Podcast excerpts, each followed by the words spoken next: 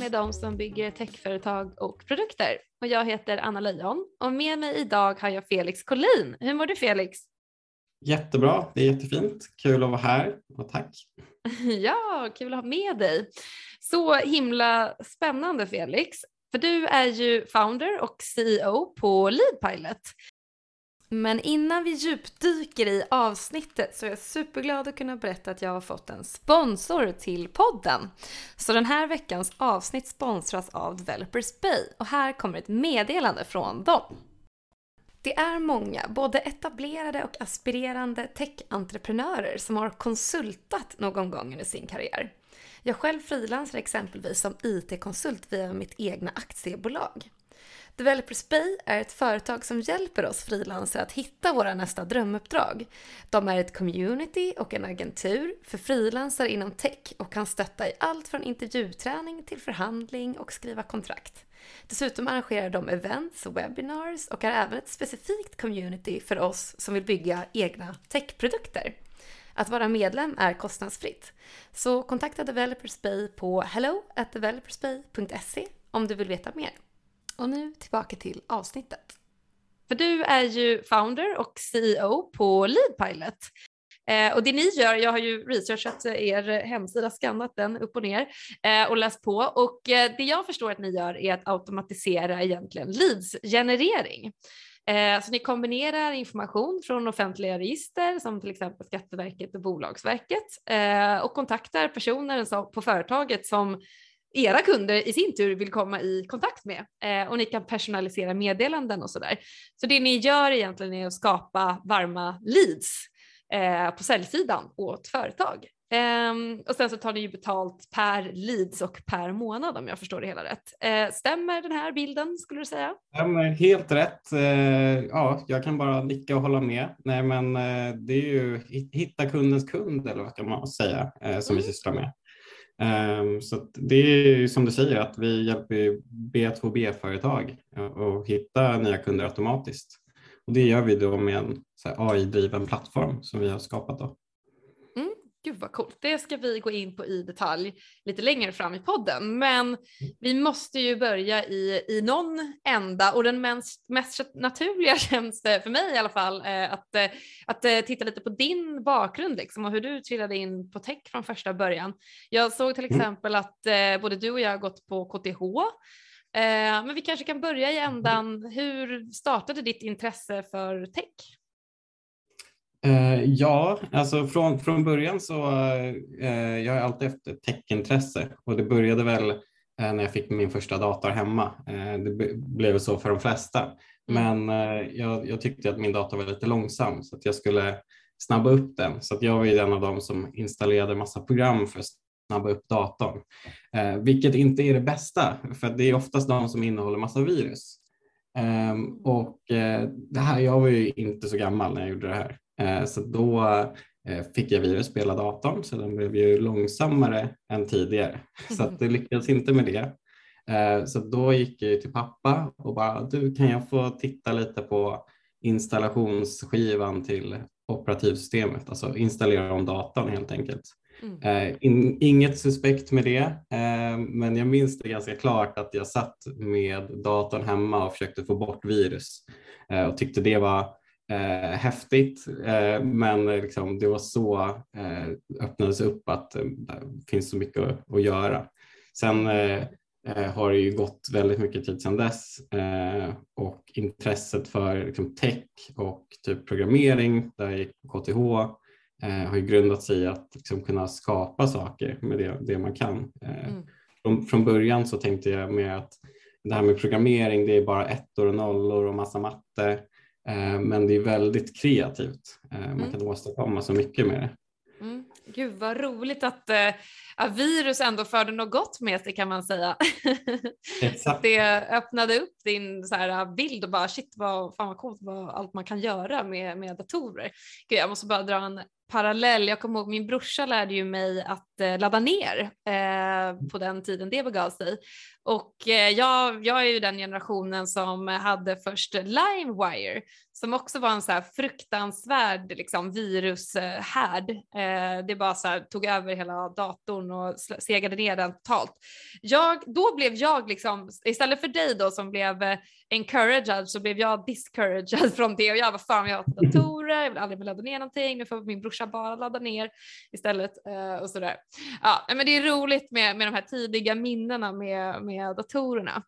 Men mm. okej, okay, nu är vi då att du har fått upp ögonen lite grann eh, och blivit liksom introducerad till datorns värld och alla möjligheter. Men vad, vad, hände, vad hände sen då? Liksom? Vad, valde du skola och utbildning utefter det? Fortsatte du liksom programmera lite på fritiden eller hur såg det ut? Eh, ja, alltså jag eh, programmerade på fritiden och eh, sen så tänkte att jag ville bli ännu bättre på det så då blev det naturligt att jag sökte mig till KTH. Mm. Ehm, sen under tiden jag pluggade där så eh, dels liksom fritidsprojekt men sen så jobbade jag också och involverade mig i deras eh, inkubator, alltså KTH Innovation som finns där mm. Ehm, och eh, programmerade ett startup där och insåg att shit, det här med startup och entreprenörskap det är också någonting som är väldigt intressant och att man kan, eh, ja, från början så tänker man att eh, ja, den naturliga vägen är ju att gå till liksom, storbolag, det är tryggt och säkert. Men man får ju så mycket mer utlopp när det är mindre och man har mer att säga till om. Just det. Vad, vad gjorde den första produkten som du byggde där i KTH Innovation Hub då? Eh, det var, inte, det var inte min produkt men det var ett behandlingssystem för barnfetma. Så personer med barnfetma kunde väga sig hemma och kunde sätta på sig fitnessarmband. Och så skickades det till klinikerna. Så istället för den här ångesten att man behöver åka in till kliniken och väga sig mm. så kunde folk väga sig hemma i sina egna hem. Eh, vilket gjorde att eh, Eh, för det, det, var ett stort problem att det är så många avbokningar för att folk, eh, man har lite ångest, man kanske har gått mm. upp i vikt och ska ta sig in till kliniken eh, bara för att få det bekräftat. Liksom. Mm. Och då, då var det liksom en app som skickade över det till kliniken så kunde man följa och även lite AI in, in i smeten som tog, hjälpte kliniken att analysera hur det gick för de här barnen. Då. Mm. Gud vad fint. Alltså, det, där, det är typiskt KTH att liksom lösa ett så real life eh, problem. Eh, jag kommer ihåg jag hade en eh, kurs på på KTH då vi eh, var ute på, i samhällstjänst eh, och skulle hjälpa till att liksom, optimera deras så här, ruttplanering hur, med nycklar. Det är ett rätt komplext problem. Liksom, med, så här, de ska åka och hämta nycklar, sen ska de åka hem till någon, sen ska de vara x antal personer i olika sysslor. Och, ja, men du vet, liksom. Så det var så här, supermatematiskt eh, liksom, eh, optimeringsproblem som vi, som vi hade en hel kurs på. Det tycker jag är så himla fint att KTH är jätteduktiga på att faktiskt involvera verkligheten i, i de annars väldigt abstrakta problemen. Mm. Men okej, okay, gud vad fint. Vad hände med det här barnfetma liksom startup-produkten då? Ja, men det fortsätter på. Jag gick ju min eh, egna väg och startade eget då sen, men eh, de, de fortsätter med det så det är up ah, and running. Och, eh, så det är jättespännande att följa deras utveckling också. Ah, vad kul. Men du, du hoppade liksom av och de fortsatte? Ja, precis. Jag um, så, uh, jag, vad hände sen då? Uh, är vi, du går fortfarande på KTH här nu och har inte börjat jobba riktigt. Vad var ditt första, eller när du liksom slutade på KTH, vad hände då? Um, det, det som hände var att jag, jag gjorde min master på KTH och eh, jag stod i min studentlägenhet där eh, på Lappkärrsberget och kokade mm. nudlar i, i eh, pentryt och pratade i telefon med då som skulle bli medgrundarna till eh, Leadpilot. Och eh, de har eh, en webbyrå som de har drivit i fem år och pratade vi om, jag har ju följt deras liksom, entreprenöriella resa under tiden jag har pluggat då Mm. Eh, och pratade mycket om så här utmaningar som de hade eh, och eh, vad som tog mycket tid och var tråkigt, eh, vilket naturligt då blev eh, det här som vi löser då med Lead Pilot, som mm. nykundsbearbetning man söker och ta kontakt med nya kunder också. Just det. Ehm, så att, det låter ju lite som en klyscha att man står och kokar nudlar och tar det därifrån, mm. men det var faktiskt vad det hände. Jag fattar. Och, Hur kom du i kontakt med dem? En av de grundarna till den webbyrån, Generation, gick jag gymnasiet med. Så att mm. han startade det och jag gick lite mer och pluggade. Okay. Han är lite mer självlärd liksom? Exakt. Mm. Jag fattar. Okej, okay. och sen slog ni era liksom, kloka huvuden ihop. Exakt, och alla de eh, är superduktiga entreprenörer så att, eh, det kommer jag säkert nämna på vägen också att man, man får, det är viktigt att ha rätt personer omkring sig när man mm. gör det här. Verkligen. Men du, vi backar bandet lite och säkerställer att vi inte har missat någonting här på, på din mm. liksom, techresa. Så var det så att du, du sa att du programmerade lite på fritiden, men byggde du liksom egna små hemsidor eller egna små produkter innan du började med Leadpilot också, eh, som du underhöll dig med? Eller, eller var liksom första produkten liksom barnfetma-produkten och sen nu Leadpilot? Eller hade du något, har du något spännande att dela med dig av däremellan? jag hade ju alla möjliga fritidsprojekt men liksom ingenting som jag lanserade eller liksom gjorde ett företag av. Men mm. eh, byggde en Dropbox-klon eh, bland annat mm. och eh, det var en hel del spel däremellan också och tyckte det var intressant. Mm. Men eh, så det är väl en, en bra skara eh, fritidsprojekt också. Jag, mm. jag tror att det, det, också har man intresset och då blir det lite till en hobby också. Även om man pluggar samtidigt så eh, pluggar och jobbar så har man ju sin hobby och då var ju hobbyn fortsätta med tech. Just det. Men gud, det här är så himla intressant eh, och så kul att höra också. Men jag känner att det den största problematiken för vad ska man säga, hobby, hobbyutvecklare är ju verkligen att få arslet ur vagnen och släppa släppa någonting, eh, att komma dit mm. hän. Liksom. Va, vad var det som gjorde att du aldrig släppte liksom, Dropbox-kopian eller något av dina spel? Eller, liksom? Eh, det var väl kanske lite att jag inte hade fått upp ögonen för eh, just entreprenörsbiten. Det kom ju, det har blivit lite stegvis att man, eh, man blir mer och mer, får upp ögonen, ögonen för entreprenörskapet och liksom driva mm. bolag. Så det kändes inte så klockrent då, men man har ju så mognat med tiden egentligen. Mm. Ja, jag förstår. Eh, så det var mer, det, liksom, det, det lämnade aldrig ritbordet så att säga, utan ja, kanske saknade liksom know-how om hur man, hur, hur lanserar man ens en produkt liksom? Eller vad tror ja, du? Sen, sen, tänk, sen är väl det klassiska problemet att man tänker att den inte är tillräckligt bra, eh, det måste mm. vara perfekt Eh, så många fastnar i när man bygger saker och man ändå planerar att släppa det. Men att det mm. tar så extremt lång tid för att den måste vara perfekt mm. Eh, när, när det ska ut till kund. Mm. Exakt. Ja, det, där, det där kan man ju skriva en hel bok på höll jag på att säga, men det ska vi inte göra här idag.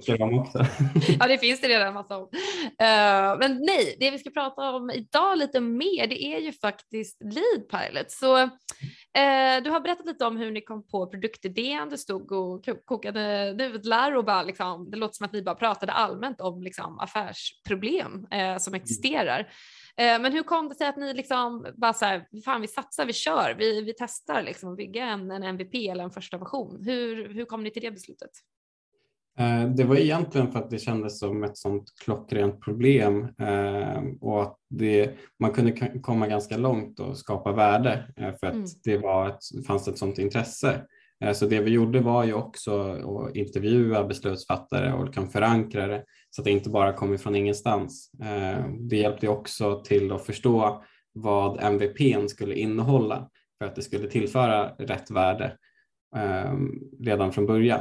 Mm. Och så kunde man dela upp de här nice to have och need to have funktionerna Mm, eh, ja, men exakt.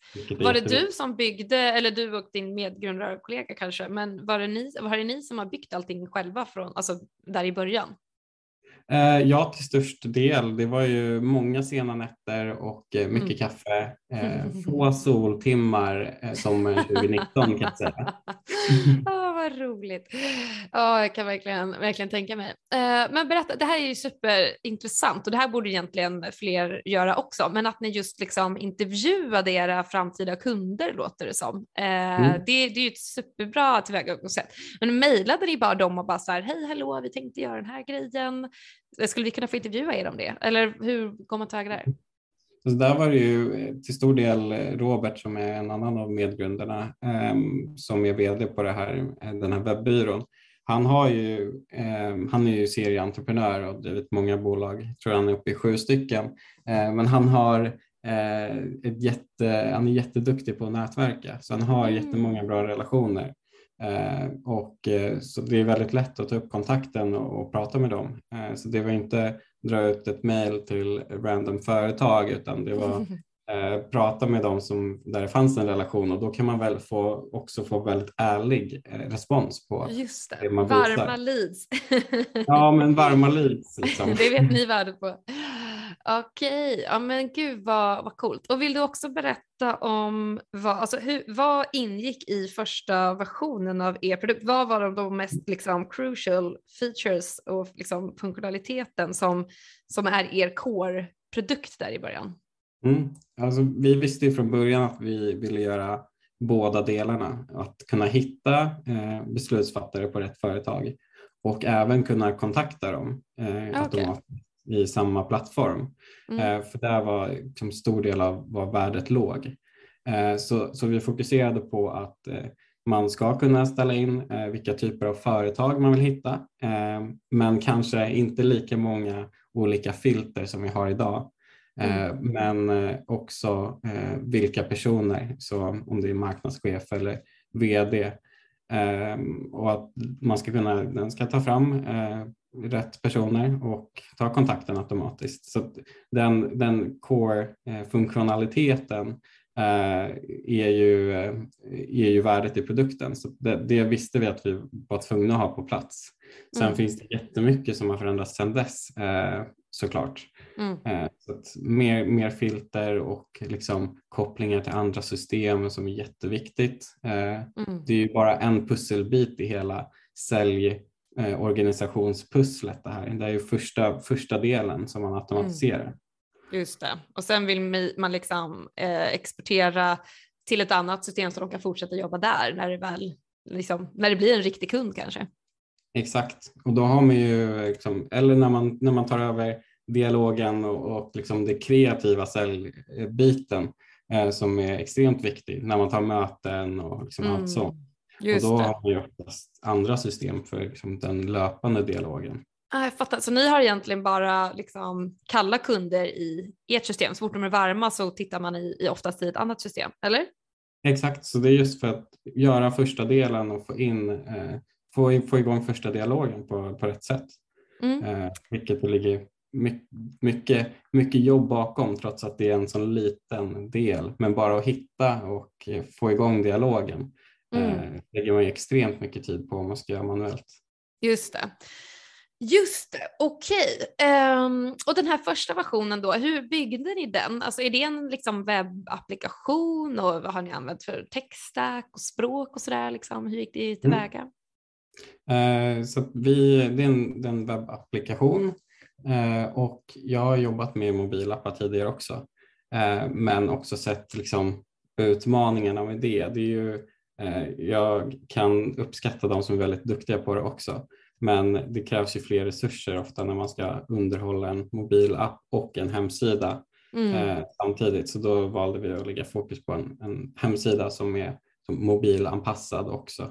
Mm. Eh, och eh, rent stackmässigt, eh, någon, ett beslut som vi tog ganska tidigt som jag tror är väldigt annorlunda är att hur vi eh, distribuerar den här webb plattformen istället för att traditionellt liksom köpa en maskin, en server, stoppa in hemsidan där eh, och eh, så ansluter man till den så gick vi tidigt på molnet eh, och mm. använde liksom Kubernetes som är ganska modern teknologi där det är liksom skalbart så att man använder bara så mycket datakraft i molnet som man behöver.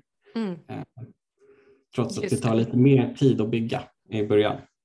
Mm. Ja, jag förstår. Och det, alltså redan i liksom version 1 i betan så, så hade ni gjort de här valen? Ja, det var egentligen för att vi tänkte att ja, men nu ska vi satsa ordentligt och tänka skalbart ifrån dag ett så vi slipper okay. göra om eh, just de grundstenarna eh, mm. och ta genvägar eh, där det är lätt att ändra. Egentligen så.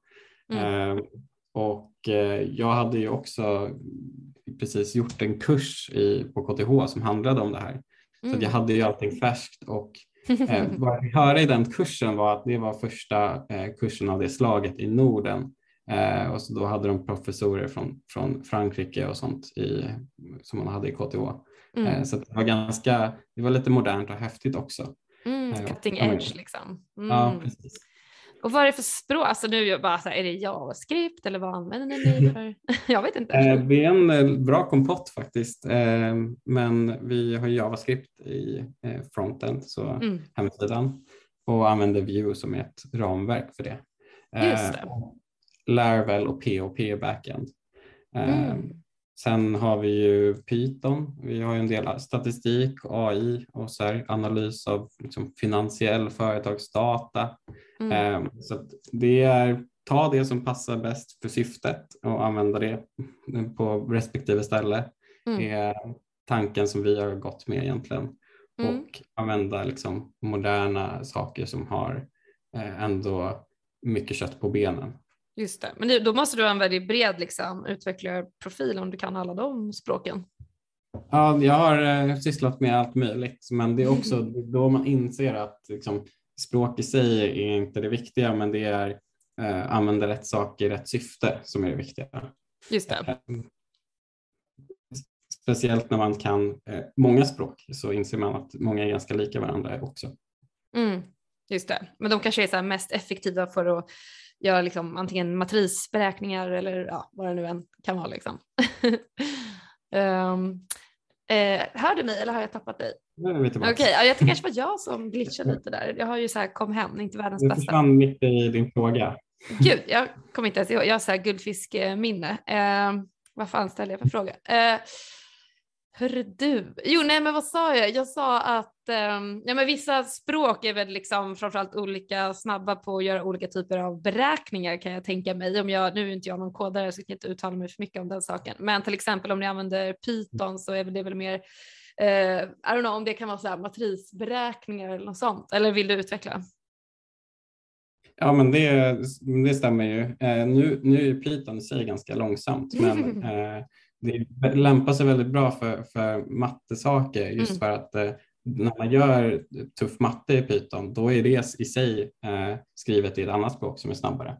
Eh, mm. Men det är lite, för att inte gå in på detaljer så är det bra när man gör väldigt eh, mycket matte och sånt. Mm. det är därför Python är liksom the shit inom AI för att mm. det oftast det man använder då. Just det. Gud, vi måste prata mer om den här eh, AI-delen också av er produkt. Så vad, vad är det som är liksom, AI i er produkt? eh, AI är väldigt liksom, paraplybegrepp, men eh, så, så jag ser på AI är när, när, eh, när den börjar börjar lära sig av eh, mm. tidigare fall. Precis. Eh, så, kan komma med rekommendationer liksom. Ja, så exempelvis som vi har nu att eh, om man skickar mail så, kan, så lär den sig vilka typer av mail som fungerar bättre mot vissa målgrupper. Mm. Eh, så kontaktar du en vd eller en marknadschef med ett visst mail och sen så jämför du det med ett annat mail så förstår den eh, och använder ett annat mycket mer då. Mm. Eh, det är just att den tar användning av det som den har gjort tidigare. Just det, och då vet ni vet liksom utkomsten. Det, gick, det här mejlet gick ju hem hos så här många vdar så då kanske vi ska använda det ännu mer i den utsträckning mot vdar eller är det något sånt liksom? Ja exakt och det är ju väldigt individuellt för företag eh, hur, man, hur man pitchar sin produkt eller mm. eh, är man relevant för den här personen man kontaktar? Mm. Eh, vilket är jätte, jätteviktigt i det vi gör. För och jämföra med liksom traditionella sättet att göra det är att köpa in en fet e-postlista och bara massutskick till alla. Eh, här är det liksom mer, istället för hagelbössan så kommer man med eh, jaktgeväret. En sån här sniper, nej vad heter det? Oh. Exakt. Jag fattar. Okej, okay. ja, men det, det är en snygg pitch och en snygg eh, liknelse. Eh, Okej, okay. ja, men, ja, en AI-del är då alltså att eh, liksom kontinuerligt optimera mejlutformningen baserat på resultat, eh, känns det som. Eh, bland, bland annat. Vad, vad gör ni mer? Liksom, kan den också användas för att eh, targeta rätt eh, folk eller, eller vad mer kan man kan göra med AI-motorn? Det är en del som görs under huven, så liksom i själva uppletandet. Just det. Eh, men det är inte det är inte någonting man ser riktigt som användare heller. Mm. Eh, så det är inte lika flashy ska jag säga. Eh, men det är för att liksom, förbättra produkten. Ja men träffsäkerheten liksom. Ja, exakt. Okej, okay, men shit vad coolt. Eh, jag måste fråga, för jag är supernyfiken. Så ni tar eh, data från Skatteverket, eh, Bolagsverket, men så här, baserat på det, alltså hur får man fram en mejladress? Många företag upplever jag har ju inte liksom, satt ut sin mejladress på sin hemsida. Det går inte att hitta någonstans. Mm. Man får ju nästan testa sig fram för att liksom, det har jag gjort några gånger, bara så här, han heter liksom Mikael Olsson. Om vi testar Mikael att företag.se, vi testar Mikael.olsson, ett företag. Ja, du vet, så här. Är det så, eller hur, hur får, för att just generera och få tag på en mejladress tycker jag är rätt svårt, så hur löser ni det problemet?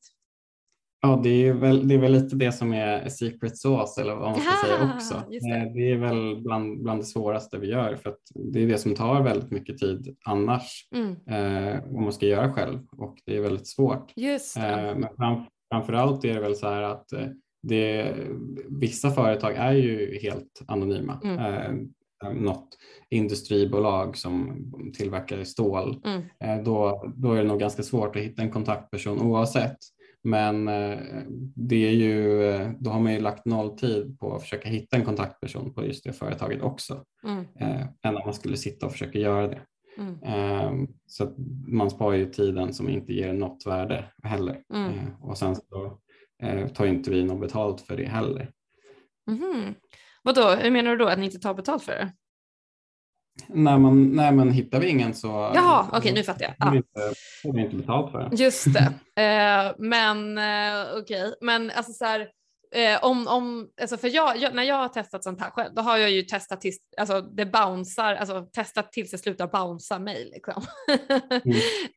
eh, testa, gör ni, testar ni också så eller är det kanske också secret uh, ingredients? Alltså det är, det är mycket man kan göra innan, eh, att man, innan man måste faktiskt skicka massa mejl och testa bouncear. Eh, det ser ju inte så himla bra ut heller om man skickar med massa olika formuleringar på, på förnamn och efternamn och så vidare till samma bolag. Så att vi, vi gör ju egentligen så många verifieringssteg som möjligt innan eh, man faktiskt skickar ett, mm. ett mejl. Men är, är det, kan ni också eh, vad ska man säga, plocka hem eh, liksom telefonnummer eller är det just mejladresserna som är keen här? Det är, det är mejl och liksom automatiseringsbiten som är vårt, vårt fokus mm. eh, också. Okay. mm. Ja, jag förstår. Eh, ja men shit vad coolt. Eh, nu ska vi se här och sen så eh, när det kommer till personaliserat meddelande, är det, har ni mallar då eller skriver man någonting helt själv, fritt liksom, fritextfält eller är det mer att man bara, här jag tar den mallen, jag tar den mallen eller?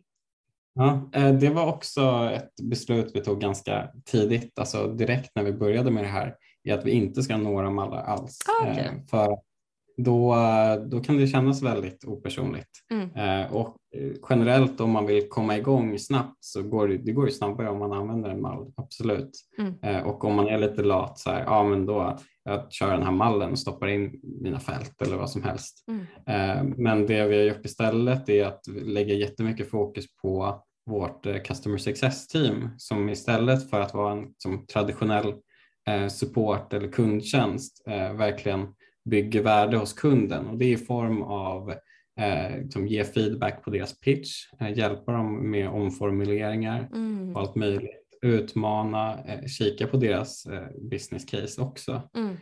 så att man får, så det är inte bara en produkt, tack och hej, här har en mall, utan att man utvecklar deras sätt att ta ny kontakt på också. Mm, just det.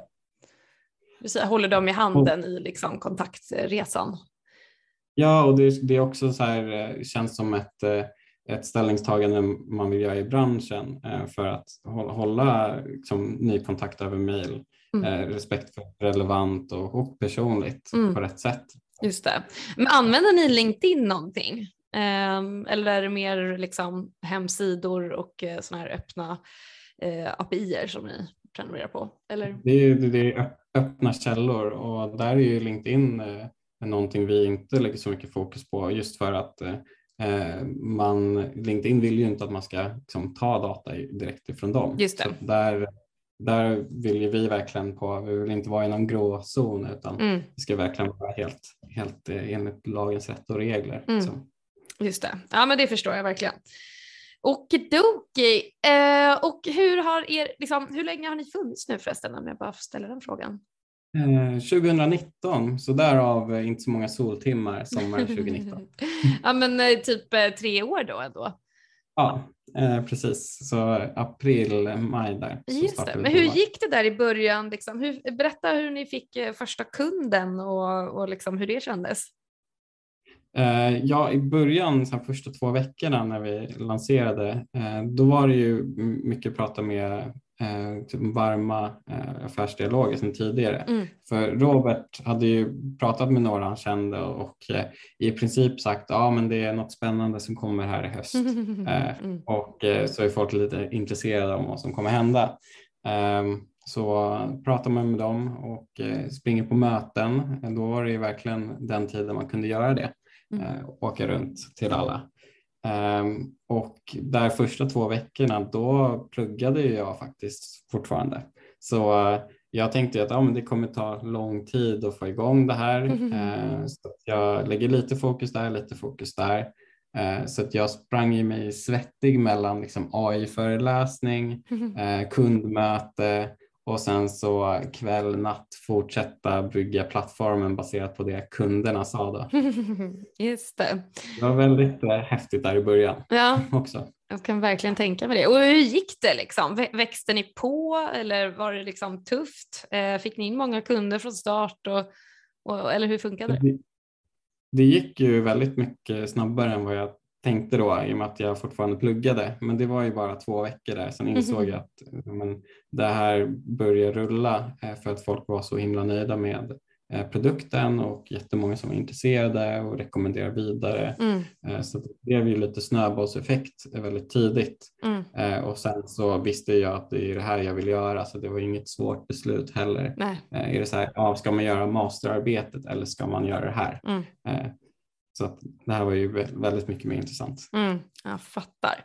Eh, och när kom eh, namnet med i bilden och hur resonerar ni där? Det är ju, jag tycker det är ett superbra namn, eh, men hur, hur såg liksom namngivningsprocessen ut? Eh, det är väl som med de allra flesta, man, man har en lista med olika ord och namn som man vill eh, sätta ihop på rätt sätt. Men eh, grundidén bakom namnet är ju ganska enkel. Det är ju leads på autopilot eh, som är tanken bakom det. Sen så tog vi bara bort någonting däremellan mm. eh, så blev det Lead Pilot. Ehm, eh, och jag har, det var ju ganska svårt att få tag i leadpilot.com-domänen. Just det. Mm. Eh, så det är ju det är ofta som många som reagerar så här, oj, det är så här, bra jobbat. Bra namn liksom. Mm. Ehm, men då var det någon Eh, person i USA som hade köpt den här domänen för ja, typ samma år som jag föddes, 96. Och sen hade den relativt inaktiv sedan dess. Mm. Eh, och eh, det var, den var ju registrerad på något bolag som inte ens fanns längre. Eh, och eh, eh, då fick jag göra egentligen det som vår plattform gör, gör försöka leta reda på den här personen och kontakta honom och fråga om, eh, om det var något han var villig att släppa. Mm. Eh, så eh, jag kollade, man kan ju se hur en hemsida såg ut för x antal år sedan i Back Machine. Så hittade jag hans namn och såg att han kom från Colorado så jag letade ju runt alla personer som var en rimlig ålder, kanske så lite serieentreprenörskap, att flera företag Mm. eh, i, i det området. Så ringde jag till en växel till ett företag där, där det var någon medgrundare som hade samma namn. Eh, och de, ja men han, eh, han eh, jobbar inte längre men vi skickade vidare så fick jag kontakt med honom till slut. och vad sålde Så han det den för då? Eh, det, det var ju många förhandlingar fram och tillbaks. Eh, speciellt, det var ju innan vi ens hade lanserat så vi hade ju noll pengar. Just. Eh, men pratade mycket med honom och han tyckte det var jätteintressant och kul med startup liksom också. Mm. Så det var väl lite av den anledningen också, skulle jag gissa. Som han gav med sig till slut liksom. Ja, inte, ja, inte en, en hiskelig peng liksom, så att vi kom överens om något rimligt istället. Ja, men är det, var det liksom hundratusentals kronor eller tiotusentals? Eller? Nej, det var tiotusentals, alltså inte hundratusentals. Det är Nej. så, så hiskligt bra är den inte kanske. Nej, ja, men precis. ja men gud vad grymt. Man har ju hört talas om skräckhistorier runt det här med offtap.com-domäner så att, eh, bra, Mm. bra jobbat. Uh, ja men coolt. Och du berättade också att det blev ju liksom en heltidssyssla där direkt efter plugget. Uh, men kunde, då, kunde ni liksom ta ut lön då eller hade du fortfarande CSN eller hur kunde ni liksom finansiera er, er, er egna uppehälle? Om ni ändå, alltså, det kanske inte fick så mycket pengar från kunderna där i början. Eh, ja, precis. Det är ju all, alltid så i början. Ehm, och dels så jag bodde ju ganska enkelt i en studentlägenhet, eh, van att leva som en student eh, på tajt budget. Mm. Eh, så att, att den, tajta åt den budgeten lite mer, eh, kanske med lite extra hjälp av min sambo. Eh, det funkade och, och det, det är ju så man får börja liksom. Mm. Eh, Och sen istället för att eh, jag ska ta ut en lön tidigt så eh, anställa en säljare eh, och liksom komma igång med, eh, med bolaget. Så att prioritera det framför att jag ska plocka ut massa lön. Eh, Jag var ändå ganska van med att, att leva på det sättet jag gjorde. Mm. Så för, mig, för min del så var det aldrig ett jättestort problem. Jag tror det är svårare om man går andra hållet, om man är van med en jättehög lön och eh, helt plötsligt ska gå ner till noll. Liksom. Mm, ja men exakt. Men, men nu kan ni ta ut eh, liksom, eh, ri, ri, rimliga löner eller, eller hur ser det ut nu? Ja, precis. Nu är vi 20 anställda så det, Mm.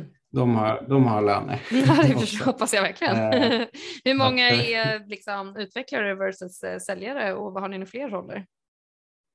Eh, Ja, det är säljutveckling och sen customer success som jag valde, eh, nämnde, Mm. som är de liksom, större områdena. Eh, Och idag är vi nio säljare, eh, sen ungefär li- som, eh, jämnt fördelat på customer success och utveckling. Mm. Så, men vi växer liksom på alla fronter just nu, så Mm. eh, både sälj, customer success och utveckling. Mm. Ja men shit vad kul. Så, så himla ballt att, att höra om. Men jag måste ju också fråga, eftersom det är precis det ni själva håller på med, men hur, hur får ni in era leads? Nej, men hur, hur säljer ni? Hur ser er säljprocess ut? Liksom? Och jobbar ni någonting med automatisk marknadsföring i, i termer av liksom AdWords eller någonting sånt? Eller hur, vad funkar Mm. för er?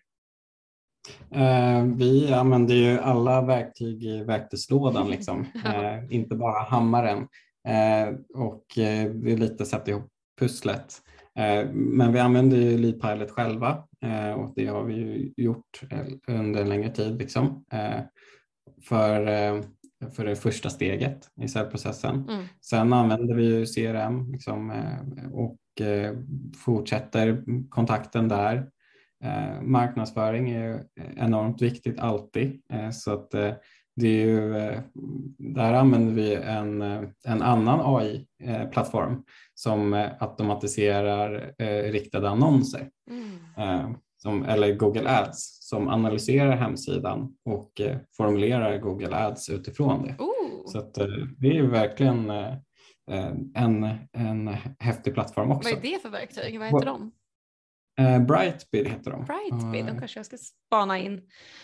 Ja. Eh, coolt, ja, men det låter ju verkligen som eh, automatiserad eh, marknadsföring. Ehm, Ballt. Det går ju lite i linje, det resonerar ganska bra med vad man själv tycker om automatisering. Man vill ju göra det så mycket inom alla områden som möjligt i och med att det är det man fokuserar på själv.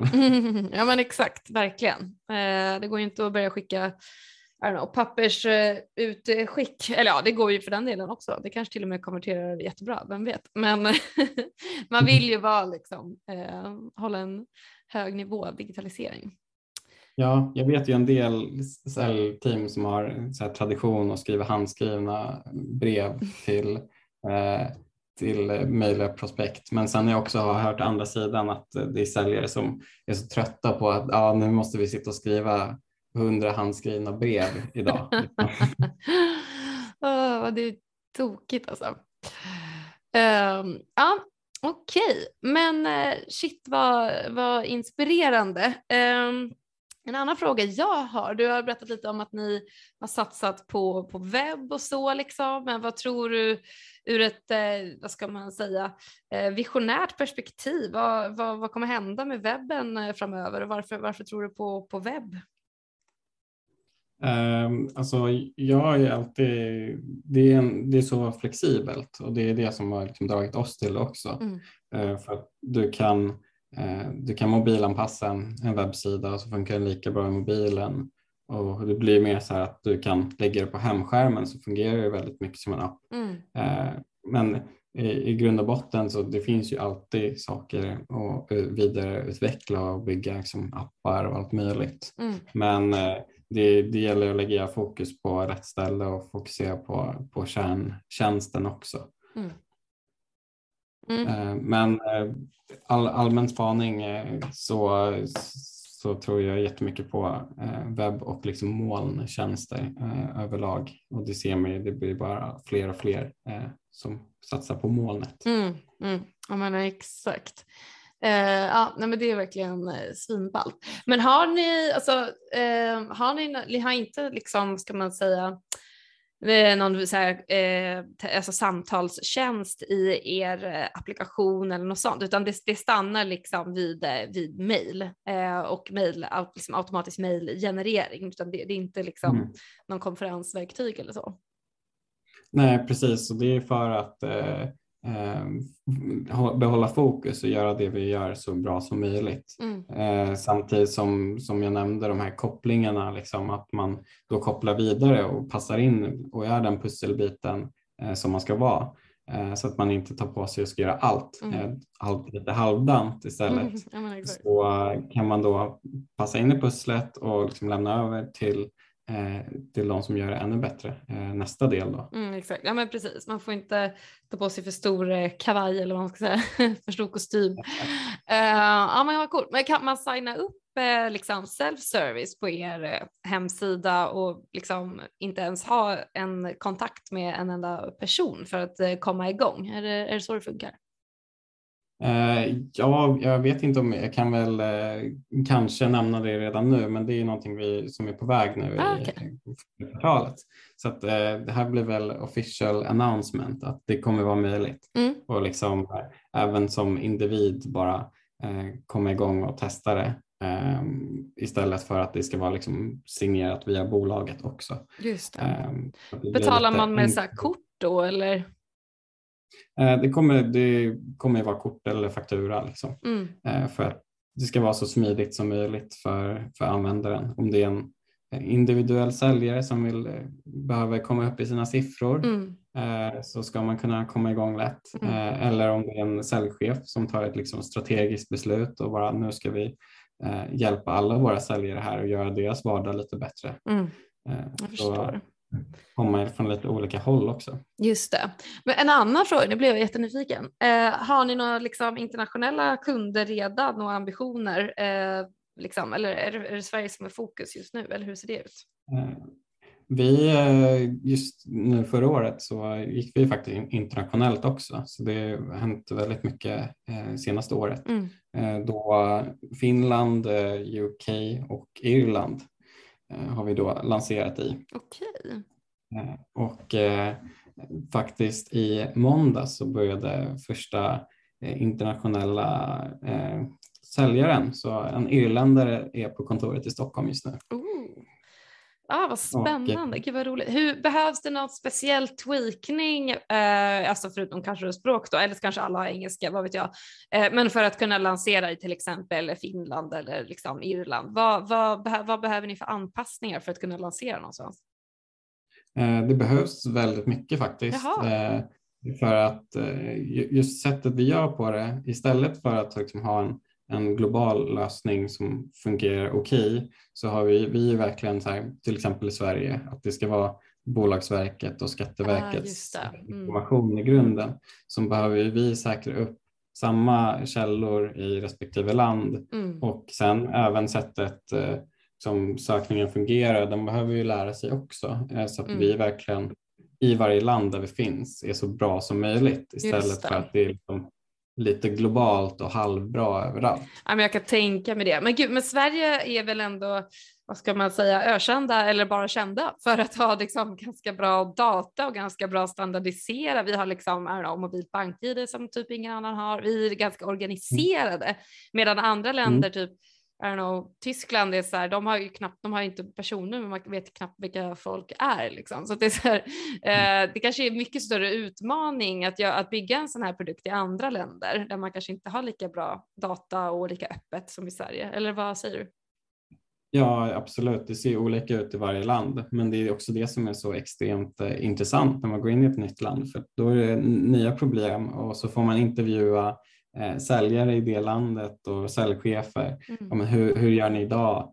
Eh, och pr prata med dem också eh, så att man hittar en, en bra lösning mm. för, för varje land. Vi försöker ändå eh, göra så mycket som möjligt under huven så att det ska vara jättelätt för användaren. Mm. Det är en liksom, enkel plattform så ska all liksom, magi eh, döljas egentligen. Just det. Använder ni typ så SNI-koder? För jag tänker att eh, man kanske säger så här, jag vill komma i kontakt med alla know, sportbutiker säger vi. Eh, nu, vet mm. jag, nu tror jag inte det finns en SNI-kod för just det. Om vi, med butiker kanske, då, de som jobbar med så här dagligvaruhandel. Använd, så här, går, går ni på SNI-koden på bolag eller? Exakt, så det är väldigt, väldigt bra i Sverige för då kan man ju vara väldigt specifik med vilken typ av bransch det är ja. eh, man vill kontakta. Och eh, du kan ju även dela upp det så att du kanske eh, skriver på ett speciellt sätt till marknadschefer för eh, de här butikerna mm. och sen skriver du på ett annat sätt om du har ett erbjudande mot IT-konsulter till exempel. Just det, eh, sådana som jag. Så, så att man verkligen, verkligen delar upp det. Eh, och eh, sen utöver det så har vi även att man kan eh, analysera teknologin på hemsidan till exempel. Ah. Så att om de använder, om de har e-handel på hemsidan ja. så kan man då fattar man ju direkt att här har vi en e-handel liksom, som vi kan targeta. Ja men gud vad coolt. Det här är jätteroligt mm. jag går faktiskt väga på precis det här sättet när jag letar folk att intervjua i den här podden. Så jag går in mm. på typ SNI-koder Eh, och så ofta så här, eh, dataprogrammering eller, eller vad den, jag tror den heter dataprogrammering. Eh, mm. Och sen, sen, så vill jag ju gärna titta på de som har lite mer i omsättning så då kan man ju liksom sortera listan på det. Eh, och sen har jag egentligen gått in på deras hemsidor och bara skjutit ut eh, mejl till, till de som jag tyckte verkat vara intressanta. Så det är så jag har gått tillväga när jag har försökt hitta leads till min podd. Eh, mm. så det är lite roligt. Exakt, det blir leads och det är det som är så himla roligt med det. Det, det, kan ju användas på så många sätt. Det behöver inte heller vara som direktförsäljning så. Mm. Vi har ju hört alla möjliga fall när det är någon som eh, som letar en rådgivare till styrelsen mm. och liksom hör av sig till, till bra personer i duktiga bolag av den anledningen. Mm. Eh, men kan ni hitta privatpersoner det... också eller är det bara bolagspersoner eller vad ska man säga? det, är, det är bolagsfolk så det. det är alltid B2B. Men mm. de har en, en position i ett, ett bolag så så kan ju det vara av intresse för liksom, rådgivare ändå. Just det. Andra skit, alltså nästan i rekrytering är vi nästan och, och liksom nosar på här ju. Um, så det, det är superintressant. Det är ju så många rekryterare går tillväga fast på LinkedIn liksom, att de bara mm. skjuter ut. Um, ja, men, ja men gud. Det är väldigt flexibelt. Liksom. Ja, ja men exakt. Okej, okay. ja men nu har jag verkligen fattat hur det funkar. Det är så himla smart för det är ju det är, det är träligt liksom, arbete, det är tråkigt och det är så här bara sitta och klippa och klistra och bara, du vet, det är, så, det är riktigt liksom oinspirerande arbete. Så det är så himla bra att, eh, och tacksamt att digitalisera en sån typ av eh, grej, för det, folk vill ju liksom bli av med det här. De betalar, vill betala mycket som helst för att bli av med det här, helst. eh, fast nu vet jag. Man vill ju göra det man gör bäst liksom, och, mm. och, ta en varm dialog och det är mycket roligare också. Exakt. Eh, så dels så blir jag av det med det tråkigaste och kan fokusera på det man vill. Mm. Ja precis, det är så få som vill, vara, som vill vara experter, förutom ni då, som vill vara experter på att hitta kalla mm. leads. ja, vi kan ta den, eh, den, den bollen. Den bajsmackan, nej jag bara skojar. Ja, nej men exakt, eh, men och, lite på det spåret, jag har ju varit inne och kikat på er prissättning också och den ser ju liksom väldigt eh, transparent och tydlig ut och det verkar vara per leads och per månad. Men berätta hur det funkar. Signar man upp sig mm. på liksom en kontinuerlig prisplan eller? Vi, vi har ju valt att göra så att det, det, man kan göra helt flexibelt eller så kan man då binda upp sig en längre tid och då blir det såklart billigare om man vill mm. kostnadsoptimera eller vad man vill kalla det. Eh, så det är antingen månad till månad eller så är det årsvis. Eh, mm. Men man betalar ju alltid för, eh, som, eh, det baseras ju på användningen. Så till exempel när man, eh, om man kör ett år och inte använder så mycket på på sommaren då blir det billigare. Mm. För att verkligen landa i en prismodell som kunder uppskattar. Så den är verkligen så här utformad efter eh, att ha den flexibiliteten. Mm. Vilket också har gjort det lite svårt mm. för oss i, eh, historiskt att den är så flexibel eh, och lite, kanske lite eh, konstigare man säga, än, än vanliga så här, SAS eller abonnemangstjänster som ofta ger fast pris och sen så har du en limit på hur många du kan kontakta. Mm. Det är väl lite vanligare kanske. Mm.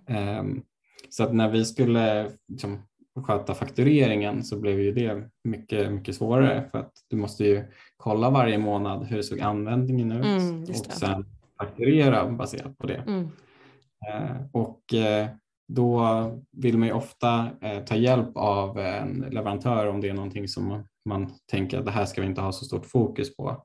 Eh, så vi tittade på olika lösningar som kunde liksom göra automatisk fakturering på det sättet. Mm. Eh, men insåg att det blev väldigt krångligt eh, så vi byggde en egen faktureringsplattform. det är underbart.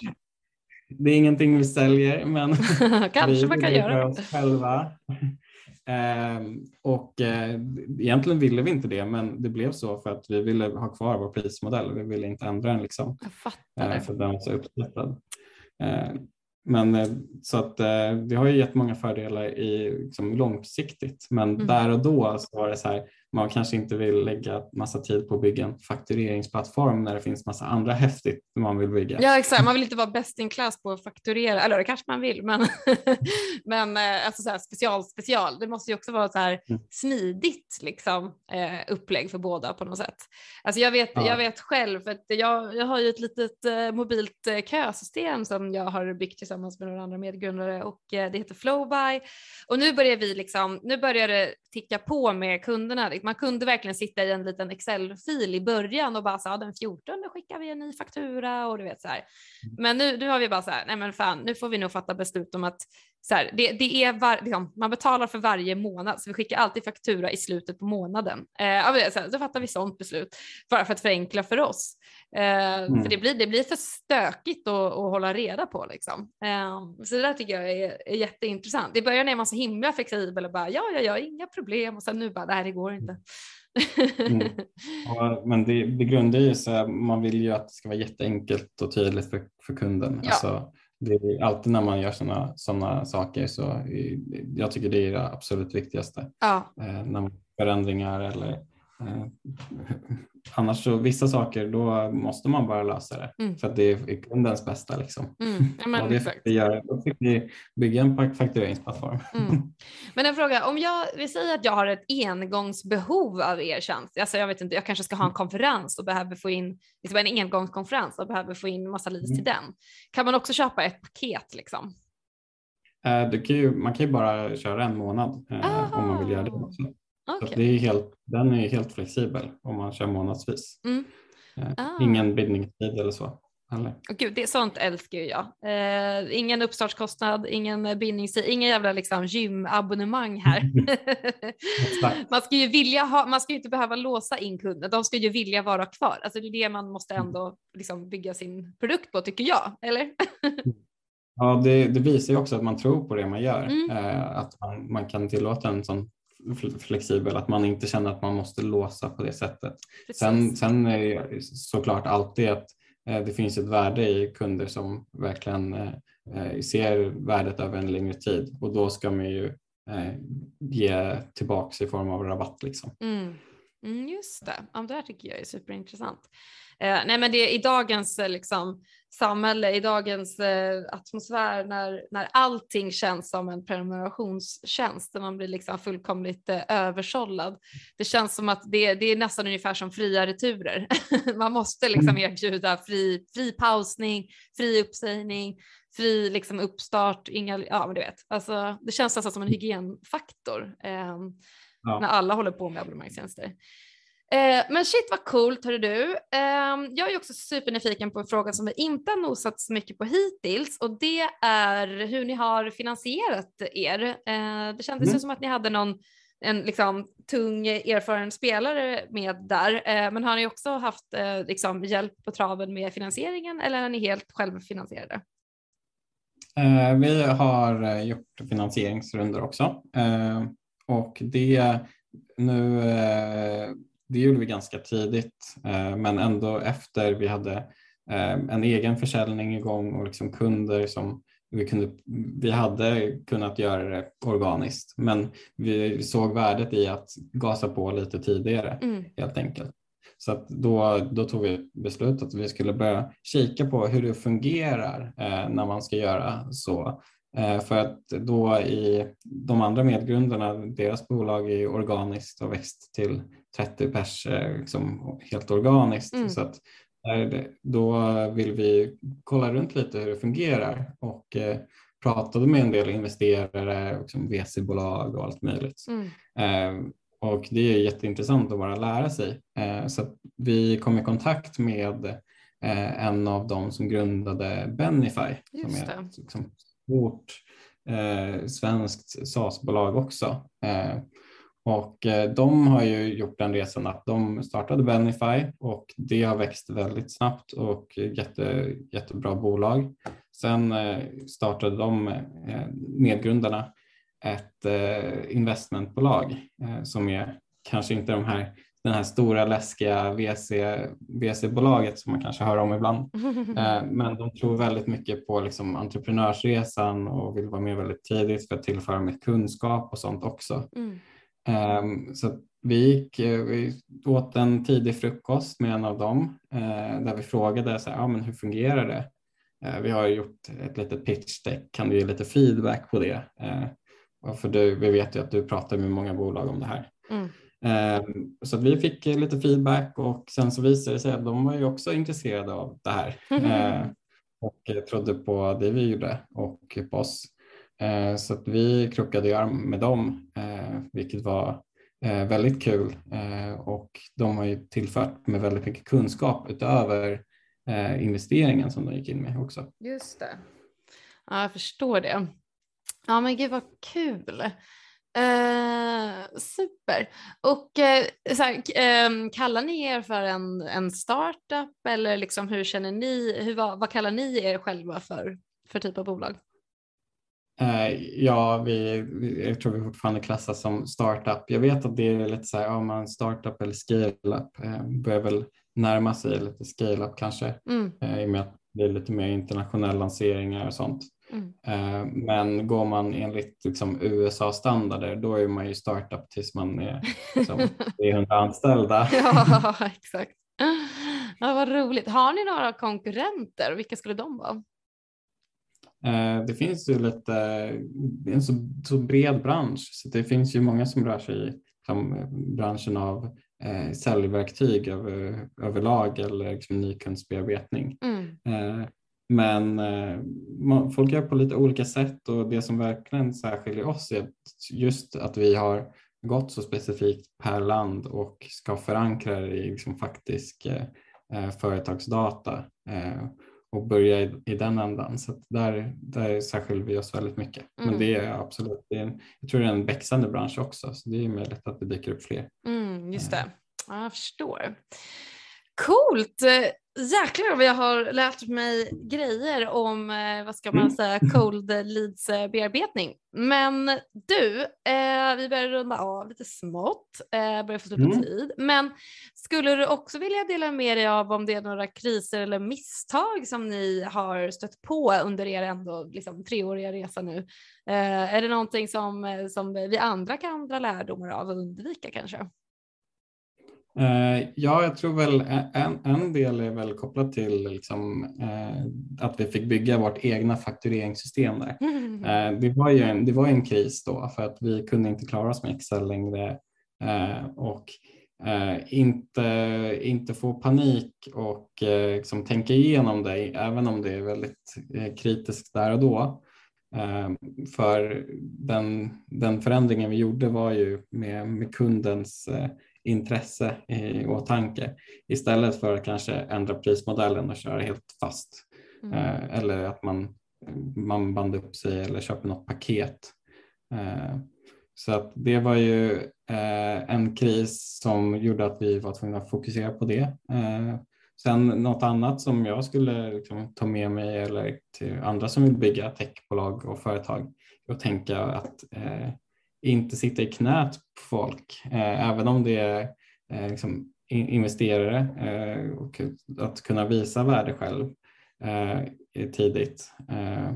Eller om det är leverantörer, att man har flera leverantörer att vända sig till så att man har lite mm. redundans om det är så. Ehm, så att man inte, då undviker man fler kriser helt enkelt om man inte sätter sig i knät på folk. Ja, man lägger äggen i olika korg eller vad säger man? Inte så ja, alla ägg i samma korg. jag fattar. Ja men absolut. Eh, ja men det, det, har man ju hört verkligen att man, man gör sig liksom beroende av, av någon eller något och så helt plötsligt börjar det mm. skaka mm. lite och så bara faller det liksom ja, det blir så här dominoeffekt. Ja, men jag förstår. Men du, eh, har du också några så här lärdomar, tips, know-how, alltså så här, vad, liksom, vad har funkat för dig och för er som du skulle kunna dela med dig av till andra som också vill bygga egna liksom, techbolag och startups? Eh, jag tror att någonting som har hjälpt mig väldigt mycket är liksom genuint intresse av eh, eh företags, eh, alltså entreprenörskapet. Eh, inte bara liksom för ens egen del utan när man pratar med andra. Eh, även om det är något, någon, något bolag som man kanske spontant tänker så här, men det där är inte så jätteintressant. Eh, om det är något liksom, tillverkningsbolag som är, är jättestor skillnad från vad vi, det vi gör eller vad man gör själv. Mm. Eh, så det så här, man börjar ställa lite frågor och gräva i hur, hur deras företag funkar. Jag tycker det är jätteintressant att lära sig om eh, olika branscher. Eh, och eh, vilket är väldigt, eh, väldigt bra med tanke på det vi gör för att vi hjälper många, väldigt många olika branscher så att har man ett genuint intresse i vad de gör det gör ju att man själv kan, liksom, vi kan ju göra vår produkt bättre mm. och jag har ju lärt mig jättemycket som liksom, vd och entreprenör bara av att prata med duktiga personer. Mm. Så att vara extremt nyfiken hela tiden tror jag man tar med sig väldigt mycket från. Mm. Ja men exakt. Eh, det blir oftast liksom en, det kan ju bli så att det blir en så här missad affärsmöjlighet bara för att man säger men det låter som ett tråkigt bolag eller en tråkig nisch. Men man får liksom se det, det intressanta i varje, varje affärsproblem, eh, tycker mm. jag personligen. För att det, ja, men det är så här, man slängs in på, på liksom, ja, som jag när jag var på KTH där i så här samhällstjänst. Okej, okay, ta hand om äldre. Ja, det, det hade inte jag liksom valt själv om jag hade haft möjlighet, men nu är det ändå ett svinintressant optimeringsproblem ur en matematisk synvinkel som vi faktiskt fokuserar på och då, då, liksom, då blir ju det kul. Eh, så att så här, ja, nej, men jag, jag håller helt med. Eh, ta liksom det, det perspektivet som, som man kan, man får liksom hitta det som är intressant eh, för en själv och eh, extrapolera på det så att säga. Ja, men ja. gud så himla bra hör du. Eh, super och vi har fått en del insikter redan kring eh, era nya features och er vision framöver. Men vill du Vill du utveckla lite eh, kring det så vi, så vi vet vad som kommer härnäst? Eh, lite planer, jag vet inte hur mycket jag kan av, avslöja men eh, dels är det göra liksom, tröskeln lite, lite lägre så att man kan komma igång enklare. Eh, även på individ, eh, inte att man behöver gå till högsta hönset utan testa lite själv. Mm. Ehm, och eh, sen är det ju fortsätta förbättra liksom, kärnprodukten och göra träffsäkerheten bättre, eh, mer smarta funktioner och de kan jag nog inte säga så mycket om än. jag förstår. Ja, ja, men spännande. Då har vi lite mer insikt i vad som kommer framöver i er roadmap. Eh, mm. Superspännande och så himla intressant. Det är ju verkligen en lämplig produkt för andra som också vill bygga egna liksom, B2B-produkter och, och försöka sälja dem. Eh, perfekt mm. verktyg kan vi ju tipsa lyssnarna om. eh, super. Gud så bra. Eh, vi har gått igenom egentligen alla mina frågor förutom den sista och det är om du vet någon annan textskapare som du tycker att jag borde intervjua härnäst i podden? Eh, jag funderade på det som jag nämnde där tidigare som du hajade till lite på är ju eh, den här eh, Gustav Westman heter han och han har ju skapat det här Brightbid yeah. som har den här annonsplattformen så den han är ju extremt duktig entreprenör och har jättemycket spännande erfarenheter att bjuda på också. Oh. Eh, så att, eh, han är en supertrevlig människa mm. eh, att prata med också. Utöver att eh, det han gör med sitt företag är väldigt häftigt också. Mm. Ah, gud vad roligt. det jag spontant skulle säga. Ah, vad coolt att det, det är ett svenskt företag alltså. Ja, ja. Eh, de sitter i Stockholm. Okej, okay. ja, men då ska jag verkligen försöka eh, approchera dem. Det är inte helt lätt alla gånger, eh, men, eh, men jag får tjata ibland och så, och så vill de vara med. Eh, kul, och om du vill får du jättegärna eh, skicka vidare några kontaktuppgifter eller så. Eh, så, blir det, så har jag halva inne redan. Liksom. du vet hur det är med kalla leads. Nej jag bara skojar. Eh, Okej, okay. ja men eh, shit vad coolt. Tack så hemskt mycket för att du har delat med dig av din story och er story. Eh, jag tycker absolut vi ska tipsa lyssnarna om att eh, använda Lead Pilot för, för sina egna behov och framförallt liksom om man har egna entreprenörsambitioner som säkert eh, många har som lyssnar så finns det ju eh, superbra hjälp i för, framförallt B2B-försäljningen då med Lead Pilot. Mm. Eh, och sen så vill jag ju också uppmana lyssnarna till att prenumerera på podden eh, och även ge betyg som man kan göra på Spotify nu och på eh, vad heter den? iPhone Podcaster också. Eh, så det vore superkul om ni vill ge betyg till podden. Eh, är det någon liksom, så här, eh, hemsida eller någonting eller kontaktuppgift eller vad som helst som du vill, vill ge till lyssnarna om de vill spana in dig eller företaget mer? Ja, men om man vill följa oss eller spana in mig. Jag, jag är inte jätteintressant kanske på, på LinkedIn, men följa företaget Leadpilot kan man alltid göra ja. eller spana in hemsidan leadpilot.com. Mm. Det går jättebra. Ja, Ja, men gärna. Den här veckans avsnitt sponsras av Developers Bay och här kommer ett meddelande från dem. Det är många, både etablerade och aspirerande tech-entreprenörer som har konsultat någon gång under sin karriär. Jag själv frilansar exempelvis som IT-konsult via mitt egna aktiebolag. Developers Bay är ett företag som hjälper oss frilansare att hitta våra nästa drömuppdrag. De är ett community och en agentur för frilansare inom tech och kan stötta i allt från intervjuträning till förhandling och skriva kontrakt. Dessutom arrangerar de events och webinars och är även ett specifikt community för oss som vill bygga egna techprodukter. Att vara medlem är kostnadsfritt. Så kontakta Developers Bay på hello developersbay.se om du vill veta mer. Och nu tillbaka till avsnittet. Eh, så coolt. Jag, jag hejar på er. Det verkar vara lite så här, liksom, det är ju bubbla i det här eh, området. Eh, det, det är så intressant problem och säkert många som vill ha det också. Eh, hoppas att ni blir marknadsledande.